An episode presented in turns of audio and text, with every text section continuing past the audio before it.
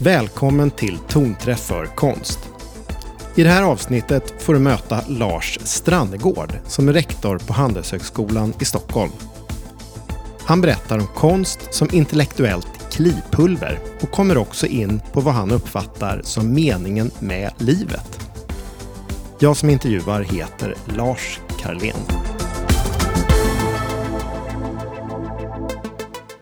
Hej Lars Strandegård. Hej. Varför satsar Handelshögskolan i Stockholm så mycket på konst? Handelshögskolan är ju eh, en ekonomisk specialiserad högskola. Vi, har, vi är inriktade på, på finans, nationalekonomi och företagsekonomi. Och de studenter som går hos oss de, de kommer på beslutsfattande positioner i samhället. Och de har ofta inflytande över stora och viktiga skeenden och också över många människor som påverkar många människors liv senare i livet. Och därmed så tycker vi att det är väldigt viktigt att vi har en utbildning som ja, egentligen tar detta stora ansvar ad notam så att säga och verkligen tänker efter vilken typ av individer som vi vill hjälpa att forma. Och då är det så att all vår undervisning är ju vetenskapligt baserad.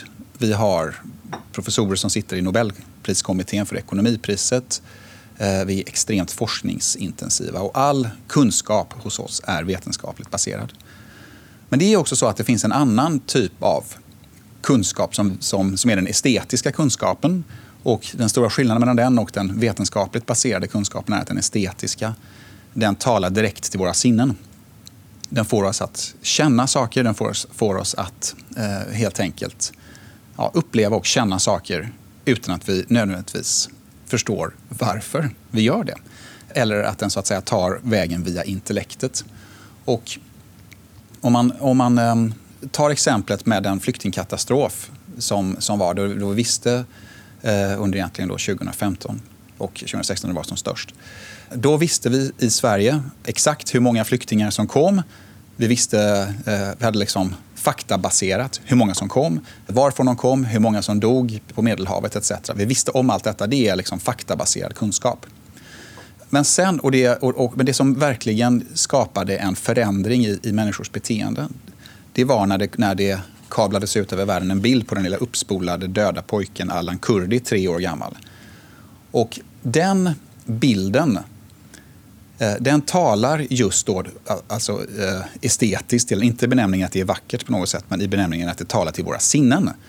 Och det var det som hände där. Eh, och då på något sätt så känner folk saker, de upplever någonting och, det är det som också kan få dem att, att helt enkelt agera.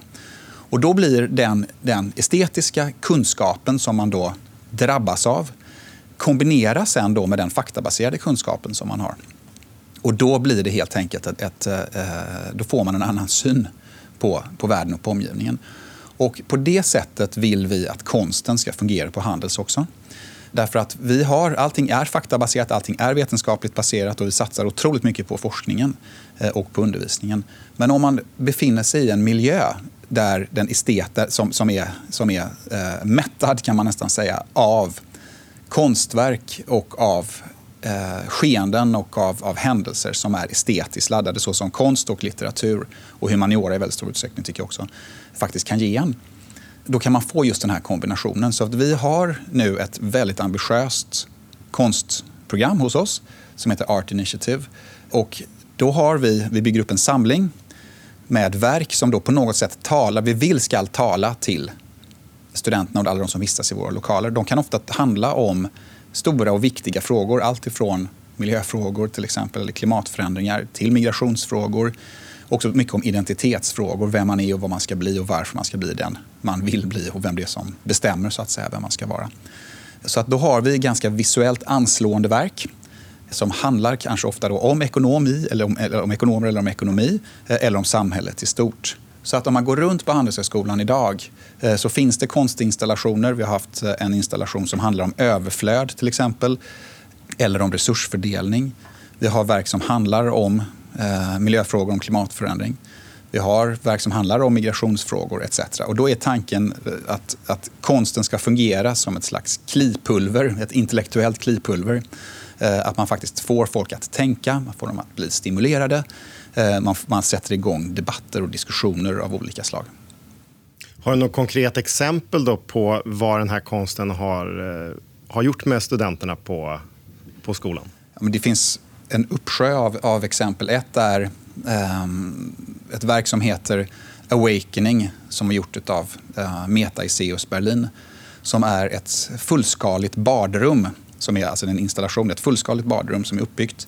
Och det badrummet sprutar eh, det vatten ur badkaret och ur, eh, ur handfatet och ur toaletten så att det har liksom blivit back i systemet så att säga.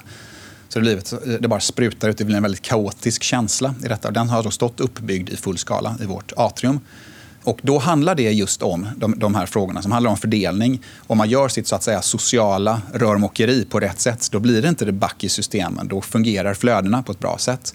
Men om de inte är det, om, om eh, fördelningen i resursfördelningen eh, i världen inte ser, ser tillräckligt bra ut, om inte, om inte flödena fungerar, då blir det, då slår det bakut. Då blir det kaotiskt. Då blir det liksom känslan av katastrof. Eh, och det blir till och med katastrof då, som det här verket handlar om. Då börjar, då börjar studenterna diskutera detta, fråga, fråga om det. Varför, handla, eller var, var, varför står det ett badrum här? Varför står det en toalett som, det, som, det, som eh, har gått i, i baklås, så att säga? Varför står det där? Då kan man ha en diskussion om det. Och det får dem att utmana varandra på ett, eh, på ett eh, intressant sätt. Vi har haft ett verk som var ett, ett video, vi har en, en otroligt högkvalitativ videoskärm där vi har ett kurerat program som, som det var Magasin 3 som gjorde det tillsammans med. Där inledde vi med konstnärer som var från, från många olika länder, de var inte svenska. Eh, och de var kvinnor dessa konstnärer. För att också då egentligen, eh, det, det, var en poäng i sig att det är på det sättet eftersom vår, vår värld är ganska, näringslivet är ju då manligt dominerat till exempel och vi har också ambitionen att bli än mer internationella än vad vi är. Och där var det ett verk av Sigalit Landau som heter Standing on a watermelon in the Dead Sea. Och där var det en naken kvinna som står på en vattenmelon i Döda havet. Och det var en filmning av henne själv. Och hon kommer då ifrån den regionen. Den som har varit i i Döda havet vet att salthalten är extremt hög och att flytkraften är, är enorm på då en vattenmelon. Och hon står då och balanserar på den här vattenmelonen och, eh, och blir då film, har filmat sig själv underifrån. Och det är ju egentligen en metafor över vilket extremt hårt arbete som krävs för att skapa lugn och ro. Man behöver liksom arbeta som bara den för att hålla den här vattenmelonen under, under ytan så att den inte ska nå eh, nå ytan och helt enkelt att man tappar kontrollen över den så att den exploderar så att säga upp, upp över ytan. Precis så funkar det i den regionen. För att få lugn och ro överhuvudtaget, det som är förment ordning och reda och lugn, kräver i själva verket ett, ett stenhårt balansarbete hela tiden. Och då blir det reaktioner från studenterna därför att de såg att detta var en naken kvinna som stod där. Och vi blev anklagade då för att vi visar ja, helt enkelt nakna kvinnor, vilket då uppfattades vara otroligt negativt. Så gör man inte det, för att det har vi inte gjort på Handelshögskolan tidigare och det är ingenting som, som då studenterna vill associeras med. Och att det till och med då, eh, någon, någon sa att det här är, det finns liksom pornografiska anslag i detta. Och då fick vi eh, eh, säga att nej, så är det inte alls. Utan det här är ett konstverk, man måste bedöma det som ett konstverk. Man kan, inte definitionsmässigt, man kan definitionsmässigt säga att detta inte är pornografi eftersom det är hon själv, konstnären själv, som har filmat sig på det sättet. Det finns inget, inget voyeuristiskt eller egentligen då konsumistiskt kan man väl säga över den, över den vinkeln, över det sättet att, att eh, gestalta och presentera en kvinna. För man kan inte per automatik säga att nakenhet är lika med pornografi så att säga. Och då blir detta en diskussion som vi då har. Vi, vi gjorde poddinspelningar, vi, hade, vi skrev massa texter om detta, vi hade möten om det. Jag hade studentkåren hemma hos mig i mitt vardagsrum och drack te och diskuterade den här frågan. Och då blir det ett sätt. Då fungerar just konsten som ett klipulver. Det får dem att tänka. Man undrar varför det ser ut på det här sättet. Varför har de satt upp den här, det, här, det här konstverket överhuvudtaget? Det, det finns liksom ett litet, eh, en, eh, en, eh, ingen perfekt passform så att säga mellan ekonomi och eh, de här konstverken. Men man ser ändå att detta hör samman och vi lever i en globaliserad värld med den här typen av samhällsproblem. För Handelshögskolan är en samhällsvetenskapligt inriktad eh, skola. Och då är detta ett sätt att lära sig mer. Men sådana här reaktioner, alltså starka reaktioner, tycker du att det har något liksom, syfte? Vill ni uppnå det med den här konsten? Ja, men vi, vill att det ska vara, vi, vill inte, vi vill inte att det ska vara eh, provokativt för provokationens egen skull. För att då tycker jag att man kommer in i fel läge. Då blir det liksom eh, animerade diskussioner och det finns ingen, ingen lugn reflektion över det där tycker jag. Och det är väldigt lätt att skapa provokation. Det är liksom, it's always nudity som man säger när det gäller det. Så det är väldigt lätt att göra det. Så det, det gör vi inte utan vi, har, vi försöker ha en mycket mer poetisk och egentligen lågmäld eh, ansökning i de verk som vi väljer ut. Och vi har också en advisory board, alltså ett, eh, ett rådgivande organ som där eh, ja, Per Josefsson som är en stor konstmecenat och Daniel Birnbaum från Moderna Museet och Sigrid Sandström som är professor på Konsthögskolan etc. sitter med. Så vi diskuterar där hur vi ska lägga upp vårt program Eh, och hur, hur vi får liksom största möjliga bildningseffekt egentligen av detta. Så att det är inte, ba, inte alls bara, det får inte vara för provokativt tycker jag, utan det måste finnas en, en subtilitet eh, i de verk som vi, som vi väljer ut. För att annars så blir det liksom inget, eh, ja det blir felaktigt fokus. Men för dig som rektor, finns det någon gräns där du skulle säga att, ja men okej, nakenhet och nu fanns ett syfte med det, men finns det något där du säger att nej, det här, här går gränsen för vad som Jo, det finns massa gränser för det. För det här är, det är också offentlig konst, eller semi-offentlig kan man säga, därför att Handelshögskolan är en öppen plats.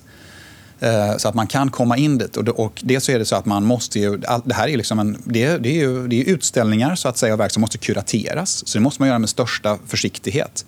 Och sen är det också så att det är en offentlig plats. Men det är också så att, att studenterna har ju, har ju närvaroplikt. Va? Så att de behöver ju vara på de här föreläsningar, föreläsningarna, behöver vistas i de här lokalerna.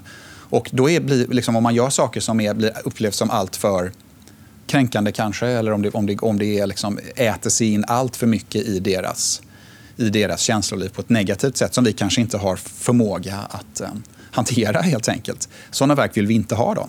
Utan, utan det, så det finns massor med gränser hela tiden. Men vi, vi, vi, faktiskt så är det så att vi, att vi försöker tänka efter hur kan vi få en, eh, en bra läreffekt i detta. Det är det som är he hela grejen. Så att eh, eh, man ligger naturligtvis och stretchar de här. Menar, vi vill att, som sagt, att det ska vara ett klipulver, vi vill inte att det ska vara ett slag i huvudet. Liksom. Det här med att ni har ett eh, advisory board, vilken nytta innebär det? Nej, men det innebär ju en stor nytta för vi är ju en som sagt vetenskapligt inriktad institution och vi är jätteduktiga på att forska och på att undervisa men vi har ju inte den konstnärliga kompetensen och vi har heller inte den den konstpedagogiska kompetensen. Och därför tycker jag att man måste ta det på största allvar. Vi, vi, vi ser inte konsten som någon liksom laj-laj, lite sådär dekoration.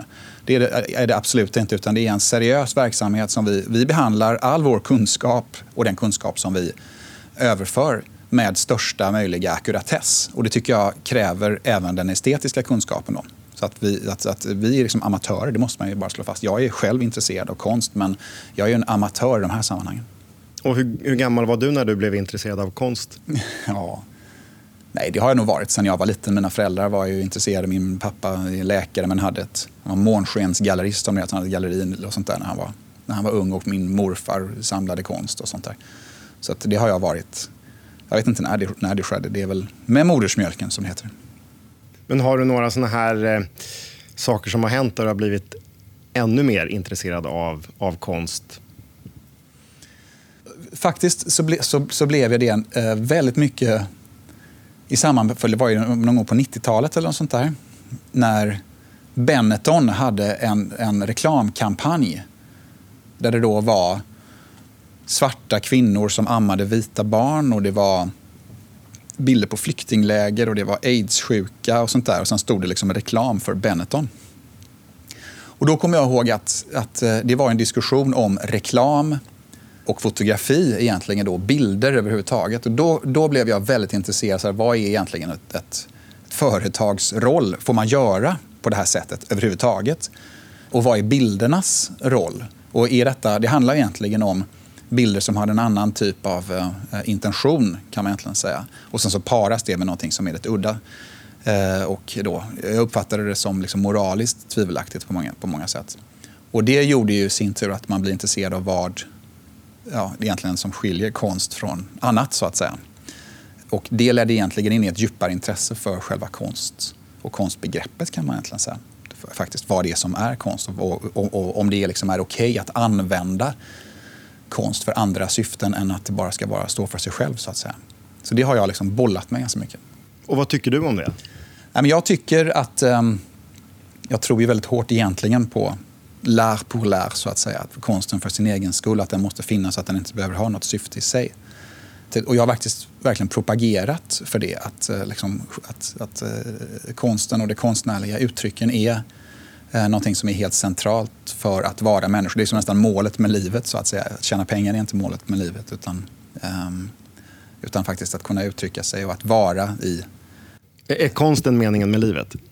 Ja, men i någon mening tycker jag det. Alltså, faktiskt. Och att, det låter lite liksom, eh, storvulet och bombastiskt att säga så. Men, men på något sätt är det ju ändå att, att, att vara människa, det handlar ju i väldigt stor utsträckning om känslomässiga och kulturella uttryck. Det är liksom att, eh, eh, att helt enkelt få uppleva världen, att leva livet i sitt fullo och att sätta sig in i andra människor och förstå hur andra människor är och, och hur de har det, att sätta sig in i andra människors världar. Eh, det, det, är ju liksom en, eh, det viktiga. Det är det man liksom använder. Man, man, genererar resurser. Vad ska man göra? Vad gör folk med sina resurser? De skapar liksom förändring kanske. Och de sysslar med njutning av alla andra slag. Och då är ju liksom den, den, de estetiska upplevelserna handlar ju egentligen om den typen av upplevelser. Det är det jag menar bara att, att, att, att ekonomi och pengar som vi i vår kultur eller vår värld kanske nästan numera, anser vara så att säga slutmålet med allt att man ska generera mer så att säga.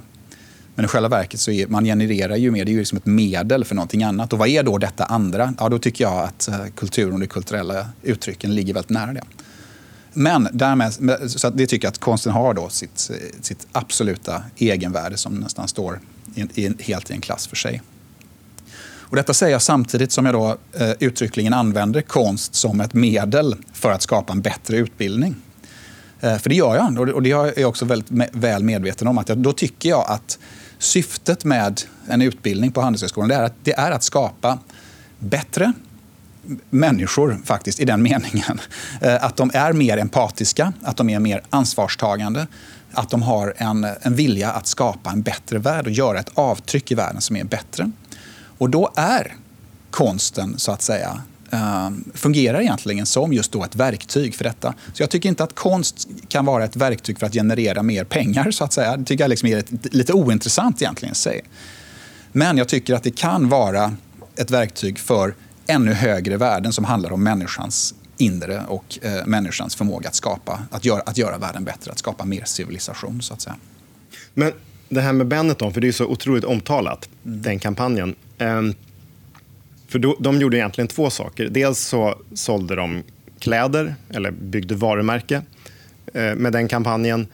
Och sen så lyfte de ju även jätteallvarliga samhällsproblem på reklamplats. De, hade ju de, här, de utnyttjade reklamplatsen till att lyfta samhällsproblem. Är inte det supersmart? Jo, men jag tycker det också. Absolut. Alltså. Så jag, det var det jag menar, att det, var, att det skapar ju en, en moralisk fråga. Därför att en, ett företag eh, liksom, det, är ju, det är ju aktiebolagslagen, så att säga. De ska ju generera vinst. Så de gör ju detta för att eh, helt enkelt generera värde för, för, för aktieägarna. Det måste de ju så att säga göra på ett sätt. Eller annars, annars beter de sig liksom som vissa, vissa då, eh, neoklassiska nationalekonomer ska säga omoraliskt, så att säga, de inte gör det. Men de kombinerade ju just detta så att det finns ju så många lager i de här i detta. Och det är det som gör det så himla intressant. Och det är precis det jag menar med konsten, det jag talar om nu också. Att det har ju alla de här lagren. Jag, jag, man kan uppfatta att det jag säger är motstridigt. Jag säger att konsten både ska vara ett medel och ett mål, så att säga. Och det är det som gör de här, de här frågorna så otroligt spännande och att de är långt ifrån färdigutredda. Jag tänkte fråga dig en sak. Eh, jag läste i Dagens Nyheter för några veckor sedan en eh, journalist, Sebastian Johans, som skrev om ert eh, videoverk i skolmiljö och då skriver han bland annat så här. Först ut är Nathalie Djurbergs och Hans Bergs uppsluppet mörka leranimation Things aren't quite the same som i en snabb loop bjuder på ett triangeldrama mellan en man, en kvinna och en kanin. Utifrån det jag precis läste i den här tidningsartikeln skulle jag vilja fråga dig Finns det någon risk när ni har ett sånt här konstverk hos er att det kan verka löjeväckande? Men det tycker jag också är en... Det här är, vi, har, många mål med konsten. Då. Och eh, det är det som jag sa, det här att man liksom lär sig att förstå andra, det är empatiska, att man har en förmåga att liksom se hur andra människor kan ha det. Men sen finns det ett rent liksom, bildningsideal också. då, då, då är det här verket, tycker vi, det hör till. Om man kommer ut i världen som färdig eller nybakad handelsstudent och så börjar man jobba på en investmentbank eller en konsultfirma och träffa folk från olika länder. Och sen får man frågan, kan du nämna någon svensk eh, samtidskonstnär? Om någon blir helt blank i ögonen då, då tycker jag att vi har varit dåliga på att utbilda. Och då är ju Nathalie Djurberg en utmärkt konstnär att ha med i detta. Hon är ändå en av de mest uppmärksammade i svensk samtidskonst just nu och når framgångar över, över världen. Så de bör känna till vem det är. Och sen är det leranimationer och konstiga saker. Men om man sitter och tittar på deras verk en längre tid så uppfattar man det som, som högst märkligt. För det har ju liksom en barnfilmskänsla över sig va, med de här kladdiga leranimationerna. Eh, och då är ju bara den enkla frågan man kan ställa till studenter. Varför når denna konstnär så stora internationella framgångar? Det är liksom en ganska bra fråga. Och då, för det väcker upp, eh, det blir ju som en lök så att säga. Va? Är detta, om det bara är trams, om det bara är en barnfilm som, som, eh, som man ser här, tror ni då att, att de skulle bli inbjudna till, till eh, liksom, eh, den ena utställningen efter den andra? Och det finaste galleriet och de olika museerna. Och då får de liksom en tanke att det här kanske är en värld som jag inte har en aning om. Jag fattar ingenting. Kanske är det läge att lära sig lite mer om den därför att det gäller att kunna förstå olika typer av världar. För vi vill att man ska kunna en, en, en, duktig student har en förmåga att kunna växla mellan olika synsätt och en, och en, eh, en förmåga att se saker ur olika perspektiv. Jag tänkte, jag var förbi när ni hade om man ska, det här badrummet. Eller, ja, det var en toalett som stod och svämmade över. Ja. Men finns det någon risk med det? Man, man kommer in eh, och det är liksom så här, ja, lång historia, fint anseende och så ser man det första, eller bland det första man ser en, en översvämmad toa. Mm. Kan inte det bli att det sänker trovärdigheten? Ja, men det, det, det, är klart att det är en risk. Och den risken är ju den är, den är liksom, eh, eh försumbar och skrattretande, om du frågar mig. eh, för att om de som då tycker att här står det ett badkar och en toalett som sprutar över.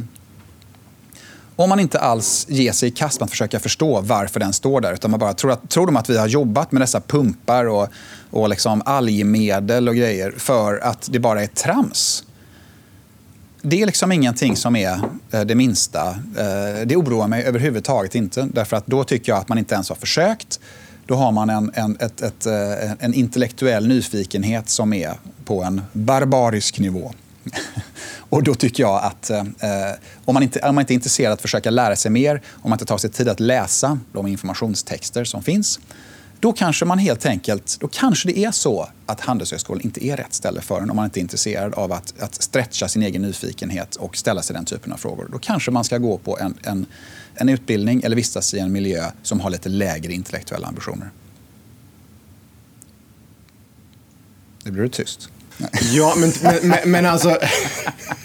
om någon blir irriterad av en översvämmad toa, alltså man kan ju tycka olika, men, men eh, är det okej okay eh, att vara jäkligt kritisk då mot får, en del av de här grejerna som student? Man får vara otroligt kritisk. Men då får man argumentera för varför man är det. Man kan inte bara säga här står en toa och det är löjligt. Det är inget argument. Det är en känsla, det är liksom en verbalisering av en känsla. Man måste kunna lära sig att argumentera för varför man tycker det. Och Sen är det naturligtvis upp till oss att förklara detta. Det är därför den pedagogiska delen kommer in i detta. Och Det är därför som, eh, som man då kan driva en, en, en, diskussion. Och detta handlar ju naturligtvis också om att lära studenterna att, att, eh, att argumentera bättre. Känna efter, den estetiska kunskapen träffar dem. De känner någonting. Och det är det jag menar med klipulver också. Det är kanon om någon känner att de blir irriterade över detta. Men då måste de artikulera varför. Och kliet i sig, irritationen i sig och den kritik som de levererar är, är jättebra. Men då, och då får vi också möjlighet att säga att ja, det handlar om de här frågorna som vi tycker är centrala frågor. Det tycker vi är en del av pedagogiken. Det finns också en, en företeelse i vår värld som kallas för, för modern konst. Det finns modern, till och med då någonting som heter modernismen som många anser började med Marcel Duchamps pissoar som ställdes ut. Det är sanitetsporslin. Ta en titt här har du också en konstnär som arbetar med sanitetsporslin fast eh, ett antal decennier senare. Vad säger du om det, kära student? Och då får de liksom reflektera över detta, förklara eh, eh, vad de tycker. Men att det skulle sänka varumärket i första an, anblick, eh, det är jag överhuvudtaget inte rädd för. Och det, om det gör det så, eh, så får du göra det. så att säga. Då får man arbeta med något annat i så fall. Men vilken slags konst skulle kunna sänka varumärket? Massor av konst skulle naturligtvis göra det. Spekulativ konst till exempel. Och vad, vad är det till exempel? Nej, men det finns ju massor med sånt. Som är, det var det jag sa. Liksom, om det, om, om man, om man, om man, alltså det handlar ju om kvaliteten på konst överhuvudtaget. Det är ju det. Jag, I min värld är det bara det som skulle sänka varumärket är om det är lågkvalitativ konst. Och det är därför som vi har eh, och, och liksom meningslös konst, vilket kanske är samma sak eh, som dålig. Men eh, det är därför vi har ett advisory board som vi då kan diskutera de här sakerna. Så att hela tanken är att vi har hög kvalitet i vår forskning och vi ska ha hög kvalitet i de, i de verk som vi visar. Och det är självklart att det är någonting som alltid kan, precis som eh, vad som är bra och dålig forskning kan diskuteras. Det kan naturligtvis göra här också. Men även det ger ju en, eh, uppnår vi så att säga målet med att göra mer reflekterande och mer välartikulerade studenter. Men går det att vara så säker på att säga vad som är liksom, högkvalitativ konst? För det finns ju vissa konstna, konstverk eh, som när de först skapas så tycker folk att det är rent strunt. Och sen hundra år efteråt så är det det mest värdefulla som du kan köpa för pengar. Absolut. Men igen, så säger det finns inte, det, vi gör ju det. Vi, vi, det är därför vi har den expertis eh, som, vi, som vi har. Och då försöker vi ta in saker som, som då bedöms ha hög kvalitet nu. Och igen eh, så är ju detta föremål för diskussion och kvalitet ska man komma ihåg. Det, det, det skapas alltid genom interaktion, genom diskussion och liksom överenskommelser om vad det är som är bra och dåligt. Så det blir liksom hela, hela tanken om vad det är som är kvalitet, det är någonting som är eh, contested så att säga och någonting som man alltid måste prata sig fram till. Om vi kikar på näringslivet. Om näringslivet i Sverige skulle intressera sig mer för samtidskonst, alltså vissa gör ju det, men om det skulle bli mer sånt, vad skulle det innebära för det svenska näringslivet? Nej, men jag tror ju att det finns, ju, därför eh, konst är så, så intressant eftersom det är så mångfacetterat. Det kan ju användas av många olika anledningar. Eh, vissa kan använda det som, som, eh, som ren dekoration för att skapa liksom, skönhetsupplevelser. Men jag tror ju, det, det tycker jag naturligtvis också, men jag, jag är egentligen mest intresserad av det för att jag har den här förmågan att kunna skapa en annan typ av, egentligen empati faktiskt, därför att det får en att tänka på, på ett annorlunda sätt. Och ju mer eh, diskussioner som man har i näringslivet, eh, kan man säga också. För när, alltså, näringslivet det består av människor, punkt slut. Sen åker de arbeta inom, i olika former helt enkelt. Men att, alltså, att, att näringslivet skulle utgöra någon speciell typ av människa, det är ju en total myt. Och jag tycker ju egentligen generellt att ju mer, um, ju mer reflektion människor sysslar med, och ju mer olika typer av världar som de blir exponerade för, desto högre sannolikhet att de blir bättre beslutsfattare. Så att jag tror ju att det hade fått väldigt stora eh, konsekvenser. Om du skulle, vilja, om du skulle kunna ge råd till konstnärer eh, för att eh, komma i kontakt med näringslivet och eh, samverka mer med näringslivet? För, liksom för att öka de möjligheterna. Va, va, vad kan man som konstnär göra då? Jag tycker att det finns en... Eh, eh, alltså konstvärlden är ju full av stereotyper omkring hur näringslivet är och hur affärsmän och kvinnor är. Så det är lite ironiskt, tycker jag, att konstvärlden och kulturvärlden som ju hyllar sig själv ofta med att vara eh, fritänkande och tolerant är väldigt, väldigt snar och eh, i, i sina, sina bilder så att säga av vad, Eh, hur näringslivet fungerar, hur de är. Eh, och så jag tycker egentligen det enkla året till det, det är ju att man helt enkelt visar upp de saker som man gör. Man pratar mer om dem och pratar om innehållet framför allt och inte håller på och pratar om värdet eller liksom konstvärldens funktion till exempel, utan verkligen tar eh, själva konsten i sig eh, och, och, och, pratar om den och inte om vad man har ställt ut och liksom hur duktig man är och, eh, och sånt där som man tenderar att göra väldigt ofta. Att man helt enkelt fokuserar ännu mer på innehållet och försöker bjuda in människor från olika sfärer eh, ännu mer därför att det intresset är mycket, mycket större än, än vad man tror. Och kunskapen är ju också väldigt låg. De här olika världarna är ju trots allt, eh, i, många, i, i, i allt för ofta i alla fall, eh, vattentäta skott. Och eh, ju mer interaktion helt enkelt, ju mer de här värdena kan blandas, desto bättre. Vad kan näringslivet göra för att komma in i konstvärlden? Ja, men det har ju också att göra med, på samma sätt, att det, även där finns det ju stereotyper eh, av hur konstvärlden är. Och det finns också en rädsla eh, ibland därför att man kan uppleva konstvärlden som eh, eh, sluten och elitistisk och att det är svårt att komma in om man inte, eh, om man inte förstår alla, alla koder och sånt där. Så det handlar ju egentligen också bara om att, att man ska öka sin nyfikenhet och försöka exponera sig för, för andra saker och se exponeringen för andra världar som någonting som är, som är berikande på så många olika plan. Går det att bygga varumärken med hjälp av konst? Ja, om man skulle säga att det inte går så vore det ju mycket konstigt. Det är klart att det gör det. Jag menar, det, det du kan bygga varumärken med, med, precis vad som helst. Det är självklart att, att det går att göra det. Vi har ju massor med exempel på det. Du kan bara ta Absolut Vodka till exempel. Eh, så det finns ju precis exakt hur många exempel eh, på det som helst. Och eh, jag har egentligen inga problem om man, om man, gör, det, om man gör det därför att liksom, varumärken i den högre skolan och eh, konstvärldens mekanismer ligger ju otroligt lika, eller ligger otroligt nära varandra. Kan du utveckla det? Ja, det kan, det kan jag. Lite kort så här. Jag håller med, men det skulle bara vara jättespännande. Nej, men I korthet så är det ju så att um, uh, alltså, det, det, det, det, som är speciellt med konst, det är ju att uh, det, det, innehåller de dimensioner som man egentligen, jag brukar sammanfatta det med fyra en.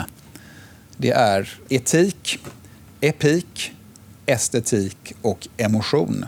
Och det är de eh, parametrarna egentligen som, som konsten eh, arbetar med kan man egentligen säga. Dels är det då etiken, det vill säga att det finns, inte, inte, eh, då menar jag etik i den meningen att det finns en, en, eh, eh, en speciell anledning, att man, har, man, går, man är som i en konstnärlig diskurs egentligen. Som är någonting annat än att vara i en, i en rent försäljningsmässig eh, eller funktionell diskurs som till exempel design är. Eller ett högprofilerat varumärke som Prada som ska sälja en, en t-shirt. Va?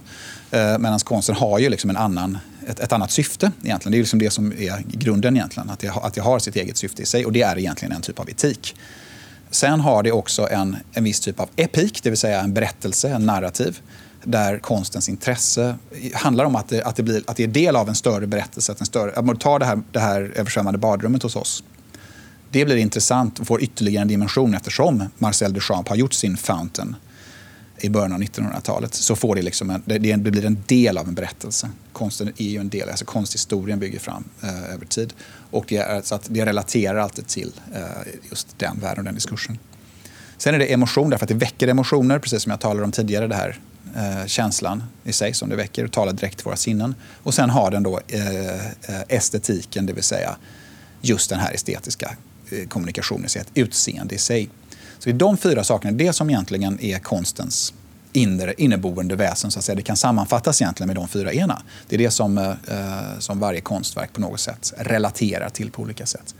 Och varumärken sysslar precis med samma sak eh, numera i den högre skolan. De försöker nämligen efterlikna konsten i väldigt stor utsträckning. Till exempel, vi kan ta Prada då, som jag just nämnde.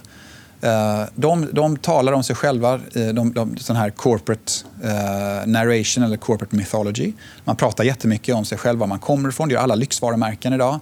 Vi startade på 1800-talet och vi höll bara på med läderväskor och papporna, eh, uh, farfars farfars far höll på med det ena och det andra. Och högkvalitativa saker och så. Och sen är det då ett, ett uh, igenkännbart estetiskt uttryck. Att du, har, att du ser en Louis Vuitton-logga uh, då någonting som är speciellt. Man ser någonting. Eh, och det väcker den här typen av emotioner. Och sen så försöker man då på något sätt att frikoppla det funktionella värdet från det symboliska värdet. Och egentligen göra det här är något som är hö något som högre värde på något sätt. Va?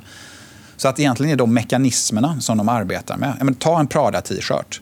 Den kostar liksom, eh, om vi, om vi hittar på eh, och räknar lågt, kostar liksom 100 kronor att producera. Och sen så säljs den för, för 1500. Det är 15 gånger mer. Och vad är liksom skillnaden med, i produktions kostnad till försäljningspris med 15 gånger. Det ligger i de här. Det är etiken, det är estetiken, det är emotionerna och det är epiken. Det är det som är varumärket i sig.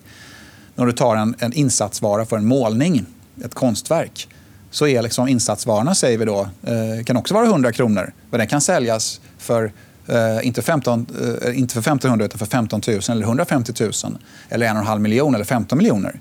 Och vad är liksom skillnaden? Vad är, det som, vad är det som gör skillnaden mellan insatsvarorna? Och försäljningspriset. Det är de där fyra en också. Det är epiken, det är emotionerna, det är estetiken eh, och det är etiken. Det är det som gör det. Och de där sakerna, då är frågan så här, vad är det egentligen som går att överföra? Detta är vad de stora var, lyxvarumärkena sysslar med.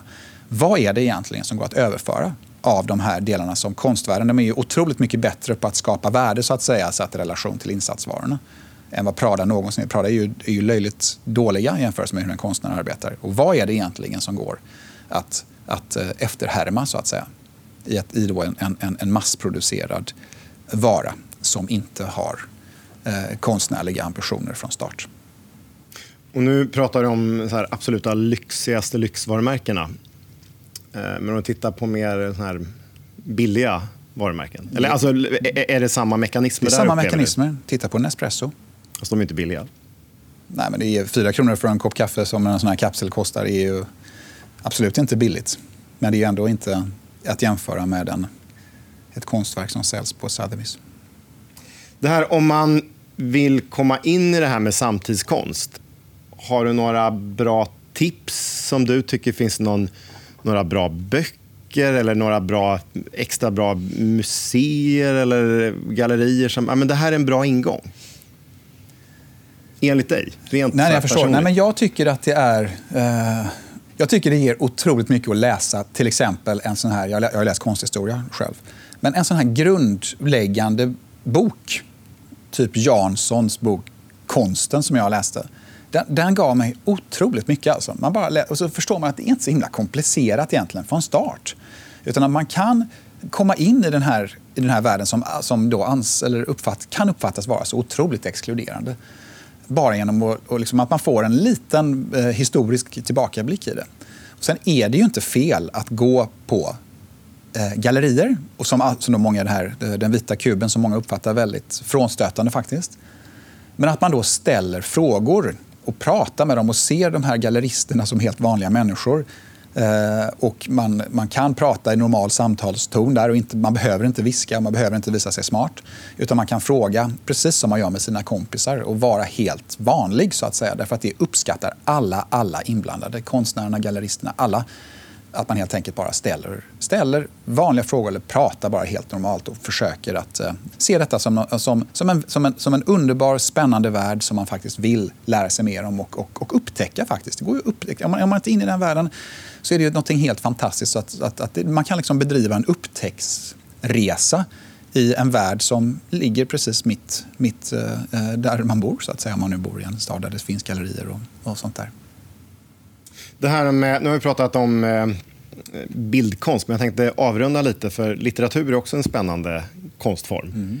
Gör ni någonting med litteratur? Det gör vi absolut. Vi håller på eh, att sätta upp ett ganska ambitiöst faktiskt litteraturprogram också. Men det får jag återkomma till i en annan podd och berätta mer om. Därför att det är, dels är, det, är vi inte helt klara med det, men vi tror att det kommer bli lite spektakulärt, det kanske att ta i, men det är en ganska stor satsning är det faktiskt. Mm. Som vi gör tillsammans med en av de stora konsultbolagen som är eh, ja, det är de stora konsultbolagen som är våra studenters mest eftertraktade arbetsgivare. Och därför använder vi oss av dem också för att försöka inympa en annan, en annan kultur kan man säga på vad det är som är viktigt.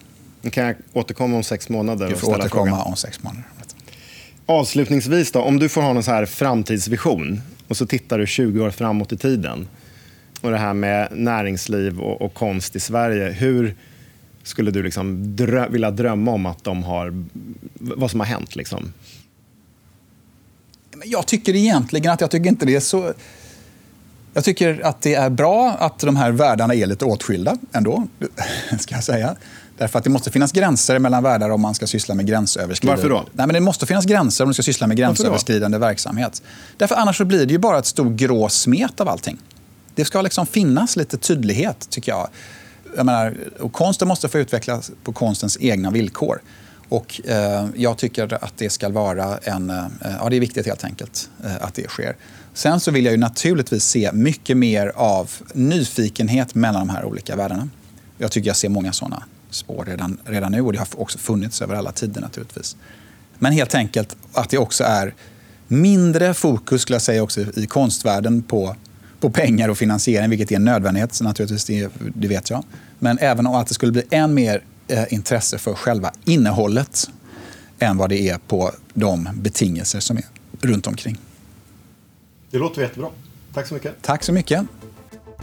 I nästa avsnitt av Tonträff för konst får vi höra Per Salqvist som är VD på Brand Eye berätta om möjligheter och risker med personliga varumärken. Och vi får även höra hans analys av seriefiguren Rocky.